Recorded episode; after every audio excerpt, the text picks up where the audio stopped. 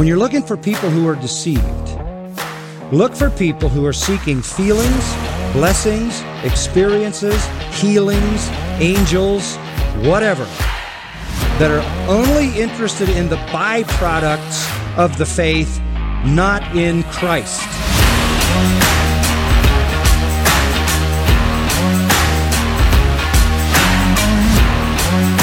Come out from among them. Run for your life. Because this is about your life. It's not just about an opposing theology or a conflicting viewpoint on Jesus. This is about your life. Run from gospels that focus only on success and prosperity. Run. Run from churches where men and not Christ are glorified. Run. Run. Body of Christ, run. Get out. Run from churches where you're comfortable in your sins. Run from preachers that stand and tell stories and jokes. Run like you've never run before.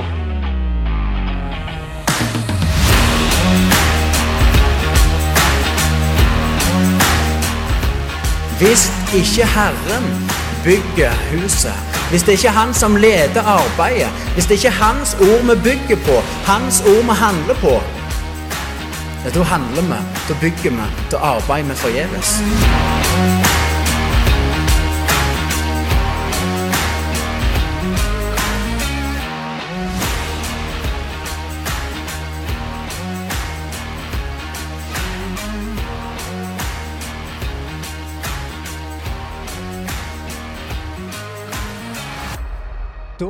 Ønsker jeg hjertelig velkommen til en ny episode av eh, Reformert eh, lekmenn. Så dere ser og hører, så er det jeg, eh, Thomas, som leder an denne episoden. Og vi hadde litt tid nå imellom podkastinnspilling ellers og møte og litt sånn, så jeg kunne bruke litt tid til å kanskje spille inn en ny episode.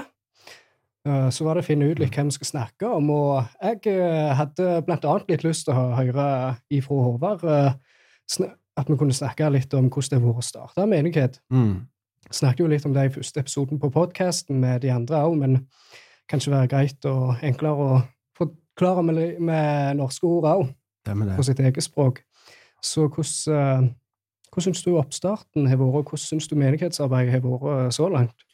Jo, vi får jo ta litt uh, norske versjon. Vi er jo, det er blitt skjedd mye på engelsk nå i det siste.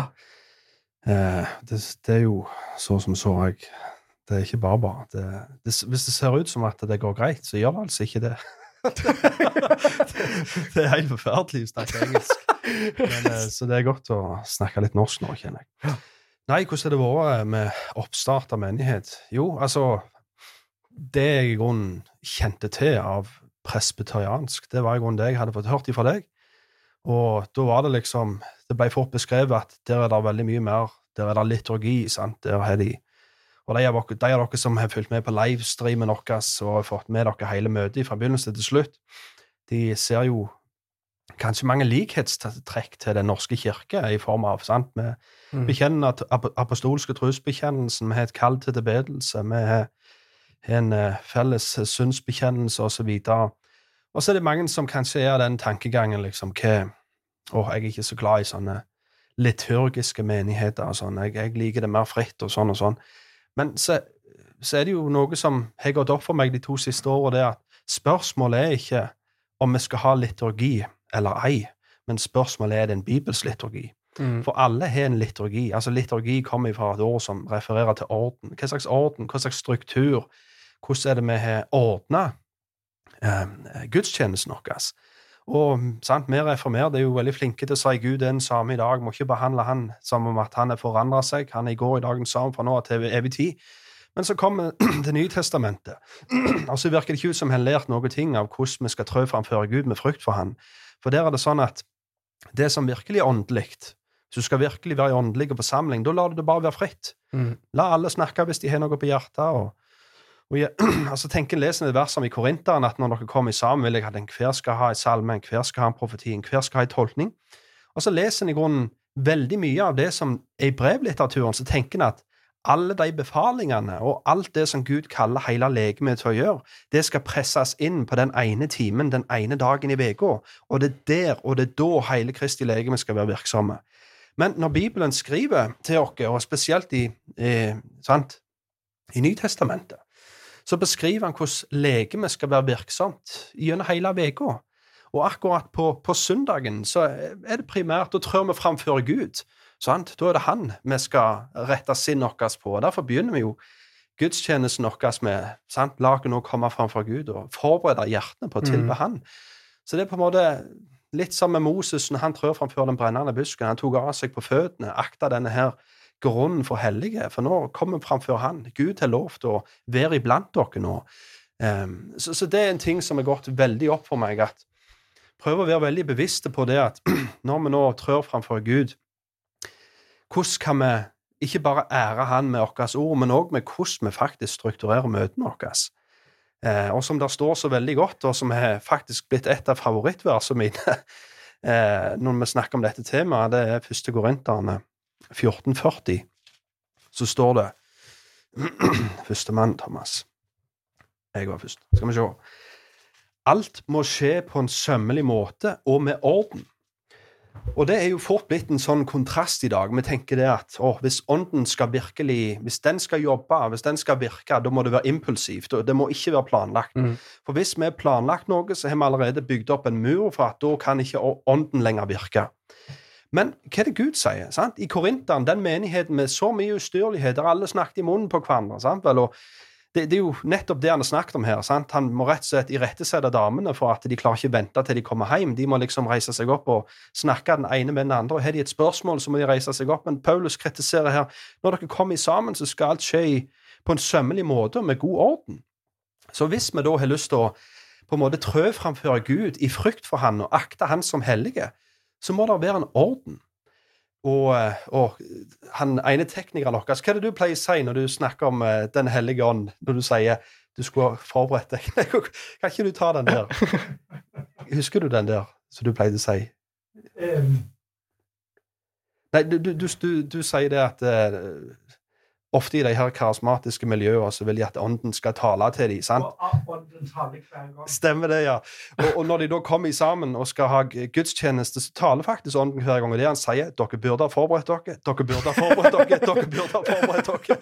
For, for, det er jo det Gud vil, at ting skal skje i tur og orden. Og det er ikke mer åndelig at vi kommer uforberedt. Altså, se på sønnen Aron. sant? De kom uforberedt. Mm nettopp blitt ordinert til prestetjenesten, og de tenker det at så lenge vi er ivrige, så gjør det ikke noe om vi forberedt dere. Jo, altså, Herren tok, tok livet av dem. Og det bør lære oss noe, òg i dag.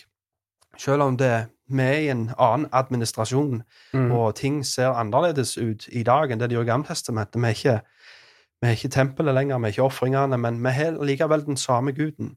Og det har jeg satt veldig pris på med å få komme Det var et langt svar til et kort spørsmål, mm. men poenget det har jeg satt veldig pris på med å på en måte få starte en presbyteriansk menighet. og ja, og, og, at gudstjenesten fra begynnelse til slutt blør Guds ord. Mm. Er du med? Ja. Det var, det var en ting jeg kom på, i hvert fall. Ja. Det som jeg eh, setter veldig pris på, så gjør at presbyteriansk eh, kirke skiller seg veldig ut. Eh, og så klart det er flere ting så det er nokså nytt i Norge, mm. eh, hele greia. Men det er jo altså, folk snakker kanskje om om vi ønsker å være en menighet som er apostelgjerningene. og det, mm. da blir det resultatet i at vi bare skal være selvstendige huskirker. Ja. Uten struktur og uten orden. Mm. Uh, og det, ja, det blir litt det som du har også snakket om, struktur og orden. Det skal skje på en sømmelig måte. Men det at eh, vi i Berua vi er ikke bare en menighet for oss sjøl.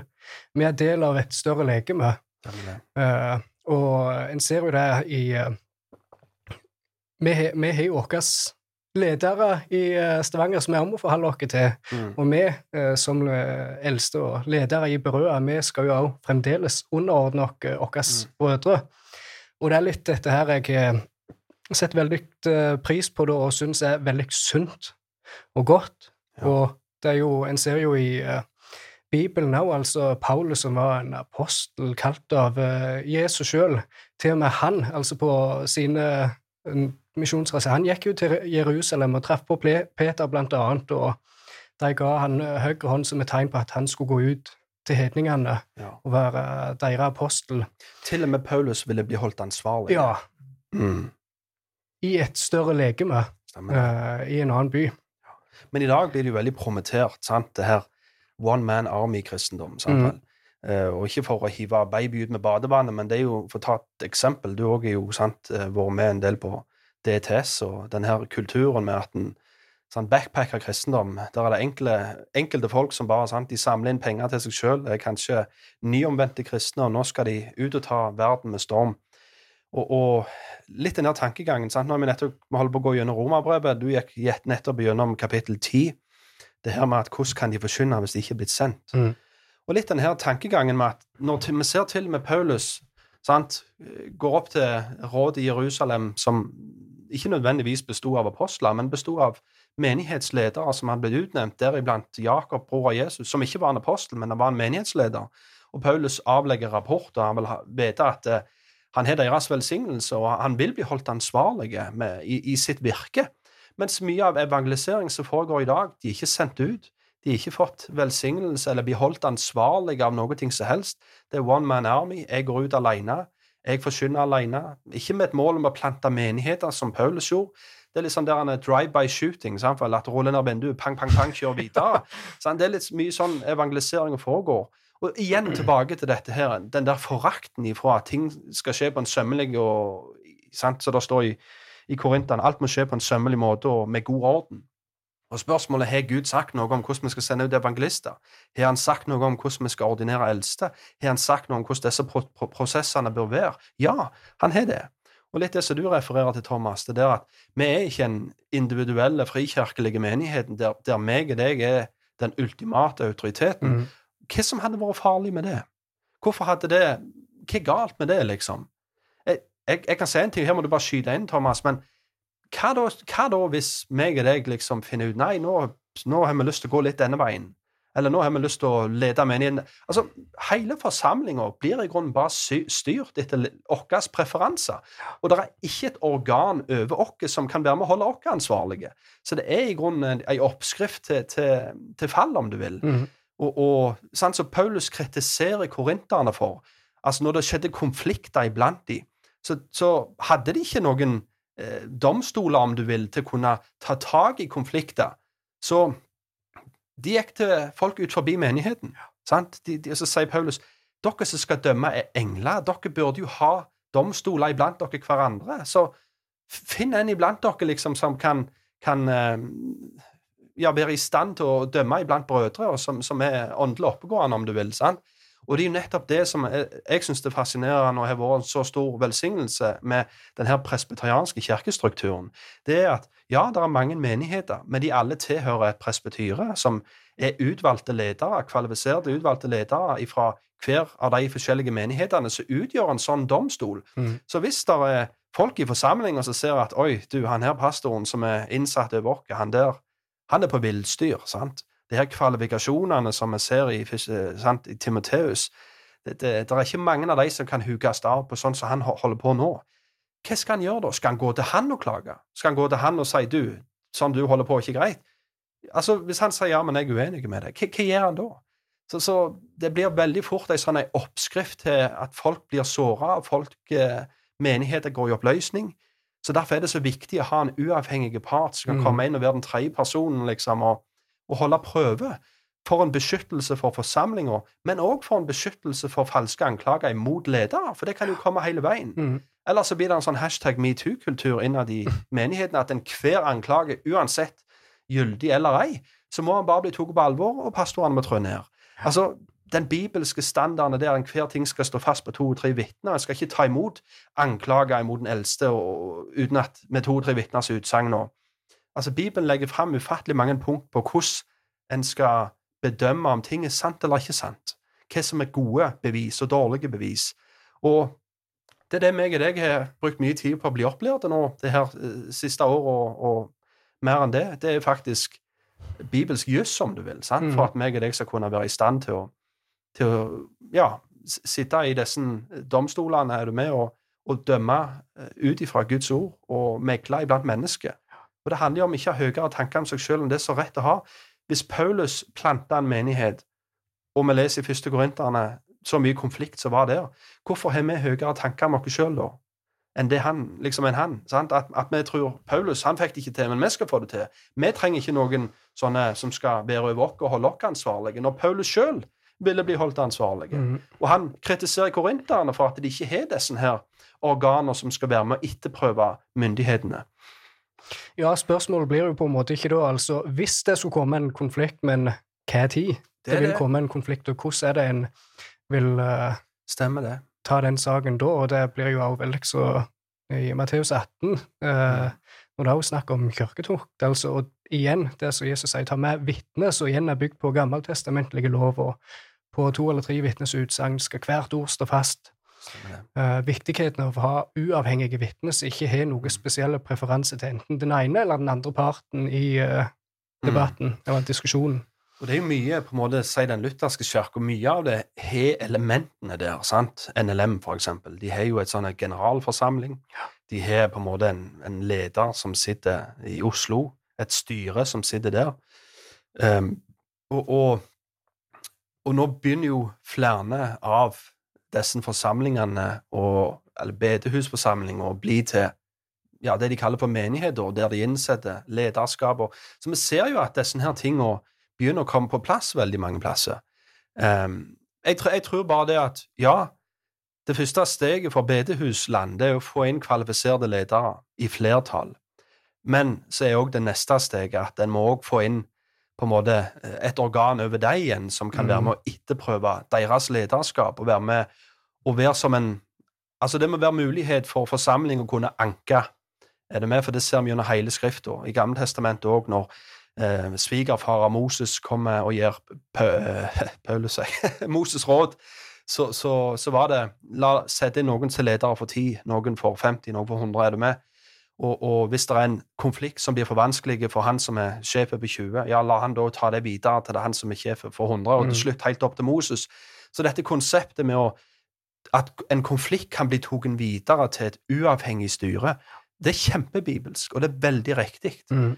Og det er strukturer som en trenger å få på plass, og den har vært på plass i flere hundre år i disse presbyterianske menigheter, og det er derfor jeg tror at den bevegelsen blomstrer sånn som den gjør. Rett og slett, for de har ikke høyere tanker om seg selv enn det som er rett å ha. De vet at mennesker er syndere. De vet at konflikter og utfordringer vil dukke opp i menigheten, og derfor så kommer det i forkjøpet. Mm. Sant? Derfor, det er nettopp derfor de har satt seg ned og skrevet denne Book of Church Order, sant vel? det vi kan kalle på norsk for en kirkeordensbok. Altså, flere kapitler i den boka handler om eh, konflikter, hvordan en skal håndtere det ut ifra Guds ord. Altså, hva, hvis, hva med gjengifte og skilsmisse, hva med baktalelse, hva med er du med, og så videre.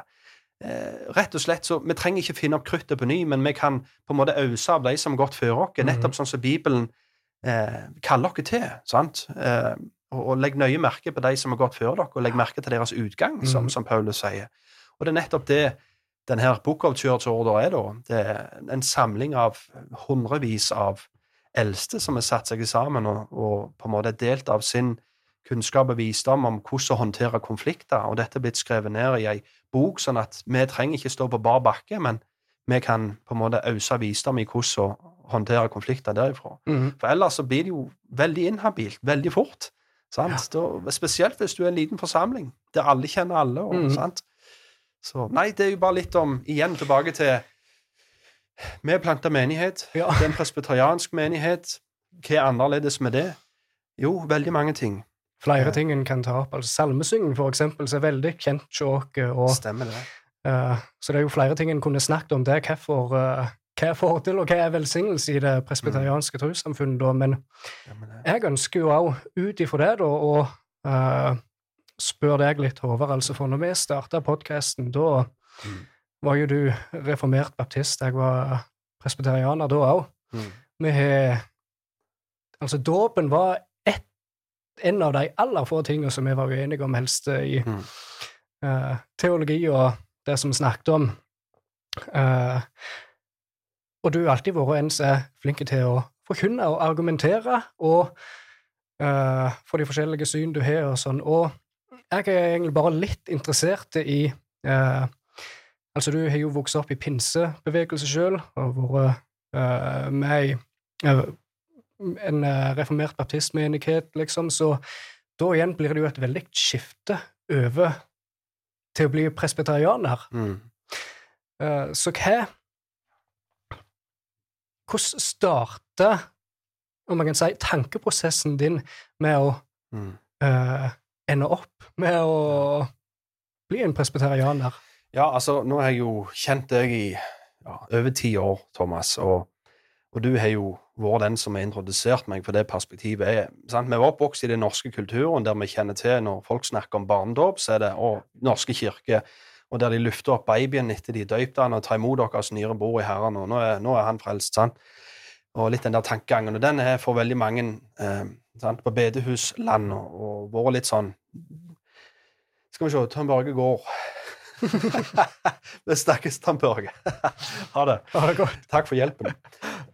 Um, ja eh, Hvor var jeg? Jo uh, For mange på bedehusland så er det litt sånn utenkelig greie, det å knytte frelse til dåpen. Og det har det vært litt for meg òg. Jeg er ikke klar til å sitte i skrifta at det, det å på en måte få noe vann over hodet er et synonym med å bli frelst. For hvis du skal være logisk da, så kan du jo bare betale folk til å komme av til fontenen, og så døyper mm. du de, og så blir det jo sant, vekkelse som på pinsedag.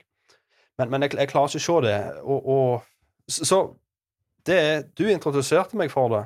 Du viste meg de gode argumentene som gjorde at det var ikke bare et syn jeg feide av, men det var alltid et syn jeg har hatt respekt for. I samtaler der på en måte, vi var i vårt eget baptistiske ekkokammer, og jeg hørte det bli lagt stråmenn av presbyterianere, så tok jeg meg sjøl i alltid, liksom, å ta på en måte avsløre de stråmennene. Ja, men nå, nå, nå er du litt for simplistiske her. Det er ikke, det er ikke sånn de argumenterer. Så jeg tok meg sjøl i på en måte, i baptistiske settinger, når presbyterianisme og det perspektivet på da ble, ble kritisert, så forsvarte jeg det. For jeg syns, det ga såpass mening. Men hva var det som holdt meg tilbake? Altså, det løyer med det. Av og til så er det ikke mer enn bare noen få puslebrikker som skal dette på plass. Og for meg så, så var det noen sånne. Er du med? Mm. Eh, det er vanskelig for meg å si 'å, den tingen som gjorde det', men én ting som jeg i hvert fall kan si, som jeg syns var veldig tydelig da, det er jeg følte at frafallstekstene ga bare veldig mye mening i dette perspektivet. Mm. For jeg har lenge følt som en reformert baptist, så tenkte jeg det at advarslene mot frafall ble fort hypotetiske advarsler. Og der en ofte, så snart en går til fra... Uansett hva frafallstekst er, i hebreerne, første korinterne, you name it, hvordan skal jeg forklare det? Jo, da går en bare til 1. Johannes brev, der det står de gikk ut fra oss, for de var aldri av oss. Men igjen, hva er det, hva er det hebreerne sier? Hebreerne 11, som vi snart skal gå gjennom nå i, i menigheten vår, hebreerne beskriver at de faktisk var poda inn på treet, men så ble de kappet av. Så da blir det veldig feil å bare gå til 1. Johannesbrev og si at de var aldri av oss. For tydeligvis så var de på en reell måte poda inn. Og samme ser vi i Johannes 15. Så ser vi at de, de greinene som ikke bærer frukt, skal kappes av og kaste av bilen. Men det var ei grein som var på treet. Men allikevel, som reformerte, så holder vi til sant, eh, den her siste P-en sant, i, i tulipen, 'Perseverance of the Ja. Saints'. Vi tror på de helliges bevarelse. Vi tror på at de som Gud har utvalgt fra verdens grunnleggelse av og satt sin frelsende kjærlighet til gjennom sin sønn, de vil bli bevart inntil enden. Det verket Herren har begynt i dem, det, det vil han fullføre. Av alle de faderne har gitt til Sønnen, så vil ikke han miste noen. Vi tror de versene her. Takk Gud, pris Herren, halleluja. Vi tror de. Men samtidig så kan en ikke ha en teologi der en liksom slår, seg, slår leir på enkelte tekster og så ignorerer resten. Og jeg var litt lei av at armenianerne skulle ha alle frafallstekstene. For, for jeg følte ofte, som en baptist, så følte jeg de grustokker når det kom til de debattene der. Men som en presbyterianer så har ikke de de versene lenger. For da begynner dette her å gi veldig mening. For hvordan er det folk blir poda inn på dette treet? Jo, du forblir på det treet i tru, står det i Roman 11. Men, men hvordan er det blir poda inn? I Gammeltestamentet så ser vi det at sånn du ble et del av Guds folk, om du vil, sant? sånn du ble en del av Guds hellige folk, det var gjennom omskjærelsen. Da ble du lagt til Israel. Var du en proselytt som kom fra Egypt, uh, you name it, jebusittene, med? Samme hvem. Sånn de ble en del av Guds hellige folk. Det var gjennom at de omskar seg. sant? De tok på seg pakstegnet, som er en objektiv ting. sant? I Guds øyne er det å ta del i det pakstegnet like objektivt som om at jeg tar på meg denne gifteringen her og sier ja opp med det alteret. Altså, vi er kalt til å ta Guds ord på alvor, men Gud tar òg vårt ord på alvor. Og når vi avlegger ed framfor Han, så betyr det noe. Mm. Og det er visse eder som faktisk er bindende. Det er derfor en av de primære kritikken Jesus kom med til fariseerne, det er at de driver med all slags falske eder. De driver og lover med tempelet, med gullet i tempelet og ene og det andre. Sant? Og vi har et helt kapittel i Gammeltestamentet som snakker om gyldige og ugyldige eder. Og det vi tror, sant Sakrament eh, vi, vi tror at dåpen er et sakrament. Det, det er en ed, en avleggelse av en ed framfor Gud og menneske. Det vil si at den på samme, samme måte som omskjærelsen var en ed, at du på en måte vier barnet ditt. Meg og mitt hus, vi vil fylle Herren. Mm. På samme måte som når Gud sier det at Noah var en rettferdig mann, så fikk det konsekvenser for hele hans hushold. Det var ikke bare han som fikk gå om bord i båten, men han og hele hans familie. Og sånn er det òg Gud fungerer. Gud fungerer, opererer føderalt gjennom hele Bibelen. Sant? Han, han, han behandler ungene til truende foreldre i tråd med foreldrenes tro. Sant? Eh, Det er derfor vi leser i 1. Korinterne 7 at, eh, at ungene blir hellige ved foreldres tro. Hvordan skal vi forstå det? Vi må forstå det i kontekst av hele Bibelen. Og når Bibelen beskriver det å være hellig, så er ikke det alltid snakk om at du er rettferdiggjort i Kristus. Mm. For hele israelsfolket ble beskrevet som et hellig folk. Men i Korinterne 10 så leser vi at de falt om i ørkenen pga. vantro. Men det var fortsatt et hellig folk. Med andre ord, de var tilsidesatt. Og hva var det tegnet som viste at de var tilsidesatt? Omskjærelsen. Er det med? Med omskjærelsen så blir de tilsidesatt til Gud. De blir en del av hans paktsfolk, og de blir holdt ansvarlige. Nå, nå er alle velsignelsene og løftene blitt gjort tilgjengelige for dem. Sant? Og da kommer jo til romerne to, for eksempel, over til dåpen. Hva er vits å døpe seg? Det er jo ikke vits i det hele tatt, kan vi tenke. Og samme kan vi tenke om omskjørelsen. Det er ikke vits å døype, omskjøre seg i det hele. Det var bare et tegn. Det hadde ingen betydning. Ja, herr Paulus, hvilken fordel har da jødene, eller hvilken gagn er det i omskjørelsen? Mye på alle måter. Først og fremst at Guds ord ble betrodd dem. Så er det noen fordel i omskjørelsen? Ja, mye på mange måter. Er det en fordel i dåpen? Ja, mye på mange måter. Og hva er det vi ser om jødefolket? Hvilke fordeler fikk de? I tråd, i, i, tråd med det å få lov å være en del av Guds folk. Og da kan vi lese videre um, i Ja, vi kan ta i Romerne 9, så leser vi Jeg taler sannhet i Kristus, jeg lyver ikke, og min samvittighet vitner også sammen med meg i Den hellige ånd, at jeg har stor sorg og stadig nød i mitt hjerte. For jeg kunne ønske at jeg selv var forbannet bort ifra Kristus for mine brødres skyld, mine landsmenn etter kjødet, de som er israelitter. Dem tilhører barnekåret, herligheten, paktene, lovgivningen, gudstjenesten, løftene, osv. Altså, jødefolket hadde blitt satt til sides. De var greiner på dette treet. Og på dette treet var det alle løftene, paktene, loven, skrifta. Det var her alt det hadde blitt gjort tilgjengelig for dem. Men hvorfor ble det ikke til noe gagn for dem? Jo, som vi ser i hebreerne, eh, i hebreerne kapittel Skal vi se Hebreerne kapittel Fire. to Ja, er det fire? Ja, for evangeliet ble også forsynt for oss slik som det ble for dem, altså jødene i Gammeltestamentet. Men ordet som de hørte, ble ikke til noen nytte for dem, fordi det ikke ble knyttet sammen med troen i dem som hørte det. Så det er med troen forblir ei grein i dette treet. Men sånn en får lov å bli en del av dette treet, pode inn på dette treet, det gjør de dåpen. sant? En blir døypt. En blir en del av Guds folk. sant? Og så blir en holdt ansvarlig til det.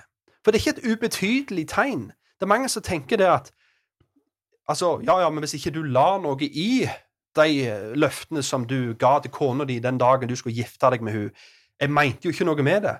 Ja, ja, men Gud mente noe med det. Mm. For det Gud har sammenføyd, skal ikke mennesket skille.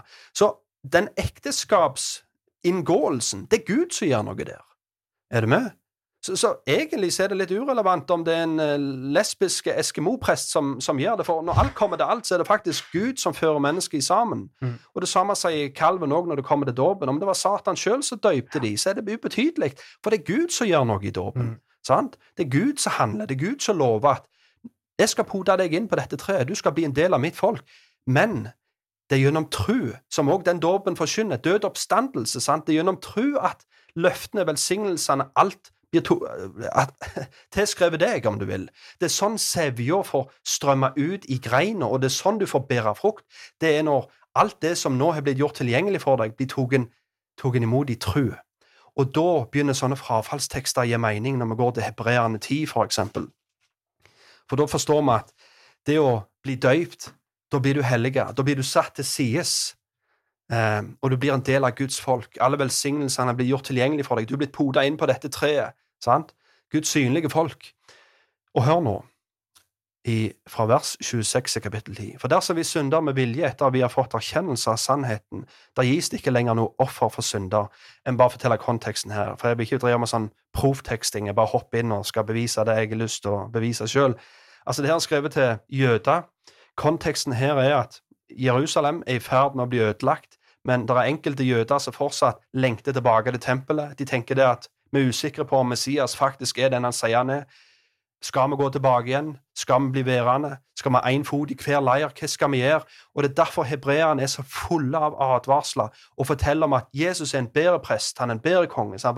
Han er en bedre mellommann. Han, han, alt er bedre med denne nye pakt. Så hele hebreerne er i grunnen en utleggelse av den nye pakt og forteller hvor mye rikere og større og mer velsigna den er.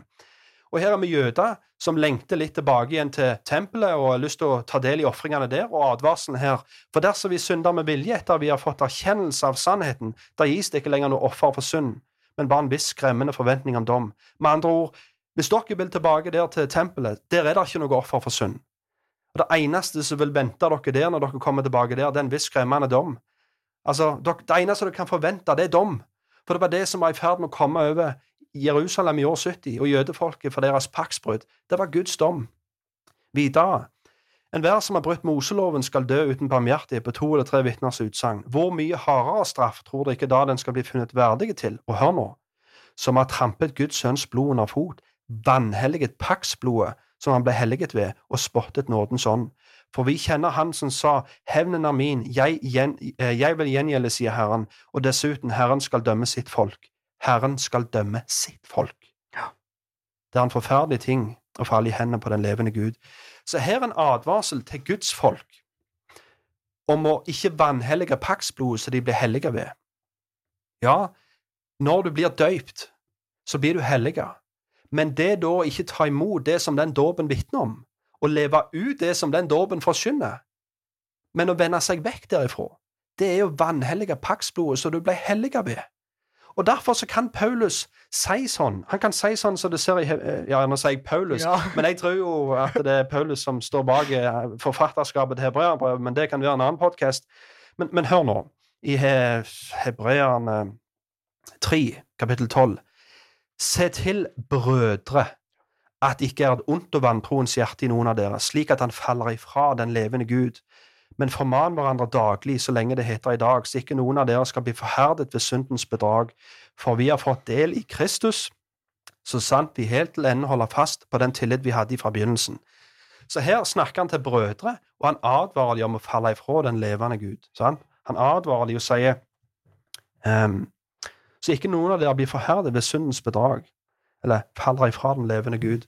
Så det går ikke an å si som mange sier, og jeg, jeg, hvis jeg ikke tar feil, så hørte jeg Piper sa det en gang, at, at det er på en måte At advarslene om frafall er en slags pot, Hva skal du kalle det? Um, Potensielle eller hypot hypotetiske advarsler. Det blir som å sette et svært skilt i midten av Danmark. og Pass deg for alle de bratte fjellskråningene. Er det med? OK? Det blir i grunnen bare til de stiller seg rundt dette skiltet og lurer på hva i alle dager prøver han i grunnen å si her. sant? Mm. Og Jeg syns det blir litt løye at det er en hel haug med advarsler. Første Korinterne 10, for eksempel. Sant? At jødene sant, som ble døypt i, i, gjennom skyene, gjennom havet, og alt dette her, og på slutten så kommer det en advarsel. Derfor må dere, sant, mm. som denne her tidsalders ende kom til, derfor må dere passe på, dere som tror dere står, og passe så dere ikke faller. Ja, det er bare en hypotetisk advarsel. Du kan ikke falle ifra. Jeg tror at folk som er døypt til Kristus, som det står i første Korinterne, nei, nei, Romerne 6, og som Paulus også snakker om i første Korinterne 1, når han sier hvem ble dere døypt til? Var det Paulus sitt navn? Nei, det var Kristus sitt navn. Vi bærer hans navn. Vi er blitt I dåpen så skjer det en objektive ting. Du blir poda inn på dette treet. Du blir en del av Guds objektive, sant? synlige folk, paksfolk. Og jeg vil si det Det er verre. Det, det hadde vært bedre om du ikke hadde kommet opp til korset. Er du med? Men nå har du kommet opp til det. Du har sett på det, og nå går du derifra med blod under føttene. Og Det er grunnen grunnen det det snakker om i Hebreerne 10. sant? De tramper Guds sønns blod under fot. At de, de har fått ta del, de har fått smak, de har fått sett. Det hadde vært bedre om de ikke hadde gjort det i det hele tatt. Men på, på, på samme måten som det å være gift, at uh, det er en objektiv ting å gå inn i en pakt. Det objektive ting i Guds øyne, selv om de personene som er involvert, ikke mener noe med det, og de tenker ja, vi prøver og ser. Men i Guds øyne så skjedde det noe der. I Guds øyne så ble det avlagt en ed, og han vil holde deg til den eden. Og det er det, det samme ser Paulus òg. Han prøver å holde folk til eden sin. Og igjen tilbake til Nå spyr jeg bare ut her. sant? Ja, det er derfor folk er veldig glad for at jeg skriver manus før jeg skal tale, for ellers så blir det sånn som dette her. Så går jeg alle veier. Men eh, det jeg syns er så interessant i, i, eh, i romerne meg, meg er det gått gjennom romerne nå. En av de mest revolusjonerende tingene for meg i romerbrevet, som jeg aldri har tenkt på før, og det er det at vi kjenner jo til strukturen. sant? Første tre kapitler. Alle hedninger er synda, jøder er synda, hele verden er synda, alle. sant? Og så fra kapittel fire til kapittel fem så snakker han om evangeliet, hvor fantastisk, hvor flott, hvor herlig det er. Og så kommer han til kapittel seks, hvordan skal vi leve i lyset av dette her? Som med andre ord, fra kapittel 6 til kapittel 8 så handler det om helliggjørelse. Og hva er det hele den seksjonen begynner med? Jo, hva er det der står i Romerne 6? Hva begynner han hele denne seksjonen med helliggjørelse med? Hva skal vi da si?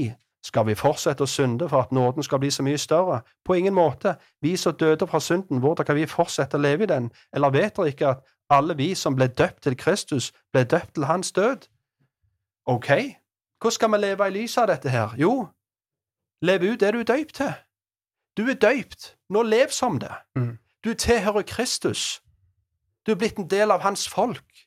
Nå lever ut det. Vet du ikke at du er døypt? Det er det samme som at jeg skulle sagt til deg, Thomas, sant? at jeg var vitne til ditt ekteskap. Du ble gift, sant? Og så seinere så ser jeg du er utro. Du lever som om du ikke er gift. Hva blir naturlig for meg å si da? Thomas, nå oppfører du deg som du ikke er gift. Altså, vær tru til, til ekteskapet ditt. Jeg, mi, mi- mitt råd til deg hadde ikke vært Thomas, det ser ut som at det første ekteskapsinngåelsen ikke fungerte så godt. Jeg tror hvis vi gjør det en gang til, så kan det være det går bedre neste gang. Det er jo sånn baptistene holder på. Og sånn har jeg òg holdt på. Jeg har sjøl døypt folk på ny? Som, som en pastor. Eh, for, for han tenker det at OK, må vi døype på ny, kan være det fungerer bedre neste gang. Og så døyper vi på ny. Jeg kjenner så mange som døyper seg to og tre og fire ganger. Sant? For de tenker at det, det, her er det jeg som skal vise noe. Her er det jeg som skal gjøre noe. Sant? Men det er Gud som fører sammen i ekteskapet, og det er også Gud som gjør noe i dåpen. Det er ikke vi. Så jeg syns det er veldig inkonsekvent. Tilbake igjen til hva var det som gjorde at jeg forandra mening. Det er veldig inkonsekvent å være kalvinist og holde til voksendåp med, med et sånn et syn på at det er jeg som skal vise Gud noe. Dåpen et bilde på frelsen, og hva det vi tror er, handler i frelsen som en kalvinist? Det er Gud, fra begynnelse til slutt. Så hvorfor skal det tegnet som skal virkelig forkynne frelsen, altså dåpen, død oppstandelse, hvorfor skal det være noe som jeg skal vise til Gud? Fall. Nei, nei, så det, det Nå går jeg alle veier her, Thomas. Ja, men du vet det, jeg syns alltid gildt å høre på deg. Men eh, litt på det, det som du har snakket om i slutt. Og da tenkte jeg eh, altså En del vil jo kanskje kritisere reformerte, eller gjerne spesielt presbyterianere, om å bare holde seg til tradisjon. Ja. Og, og noen vil gjerne bare hevde at vi ønsker Eller vi er litt for like romersk-katolske kirka, Ja. liksom, og sånn. Og en del som kanskje vil komme med den kritikken og sånn, men løye nok så ser en jo veldig ofte, kanskje spesielt unge, så de gjerne vært døypt som unger, men så reiser de gjerne til Israel, og de døyper seg i Jordanelva, for det var jo der Skyld, skyldig. Jeg er døypt i Jordanelva. første dåpen Stemmer det? Ja.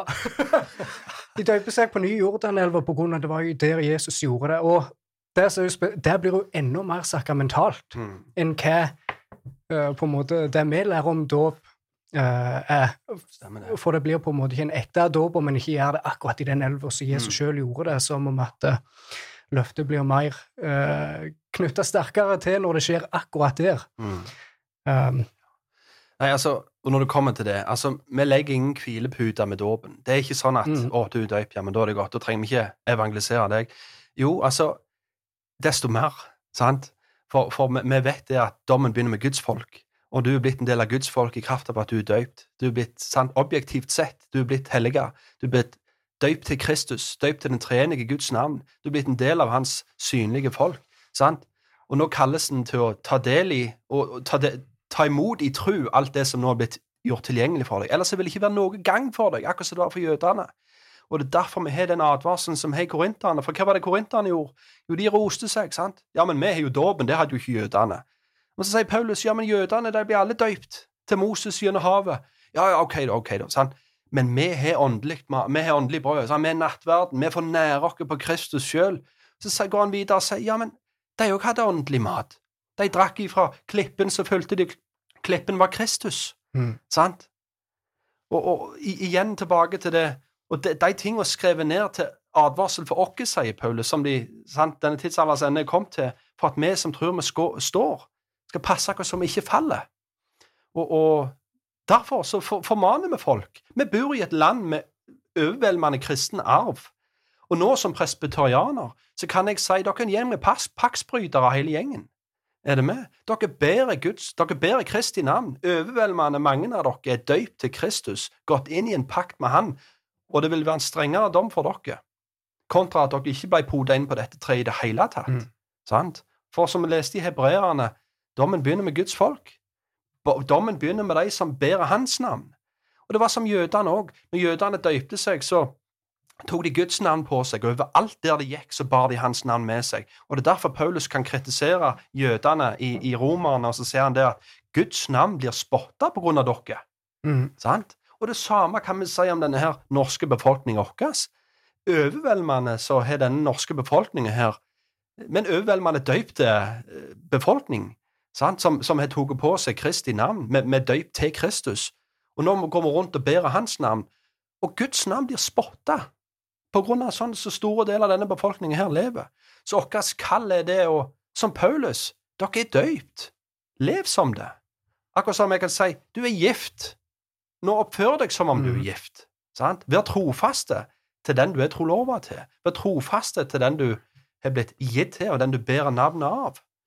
Så, så Ja, nei, mange, mange ting. Spennende tema. spennende tema. Det var lite forberedt, dette her.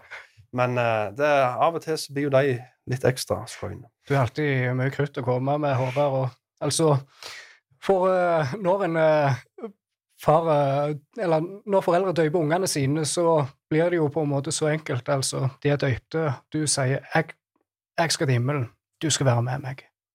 Og dåpen er jo det som fører oss inn og viser oss at vi er blant dette eh, paktsfolket til Gud. Du switcher kameraet, Tom Roger. Jeg ser, jeg ser bare, jeg ser bare kameraet står og zoomer inn på meg her når Thomas snakker. Jeg skulle bare si at dere eh, Det er gått 40 minutter men dere kan snakke. Ja, nei, men, det er Vi må fin kanskje tid. begynne å runde av etter hvert, men eh, Vi skal videre i et møte etterpå. Det vi er fullt, altså. kjør, fullt program i dag. det er det. Men det er gildt å være tilbake, da. Veldig. Og gildt å kunne ta det på norsk igjen. Ja, Ikke at vi misliker å snakke engelsk. eh, Vi jeg gjør det. Jeg liker det ikke. Nei da. Nei da, men Men- jeg tipper jo de her fire folka nå som pleier å høre på oss, at de har virkelig savna Ja, å se oss igjen. Den der ene fanen Ja. som som hører på oss, han syns dette var greit at vi var tilbake igjen. Jeg syns det er greit. Ja, ja. Te te teknikeren er vår største fan, så det er gildt. All right. Med det, det var jo jeg som leda Du- ledet inn, introduserte episoden, så med det så vil jeg si det var gildt eh, du ville slå av denne drøsen med meg, Håvard. Så vil jeg òg bare låne dine ord og si eh, på gjenhør. På gjenhør.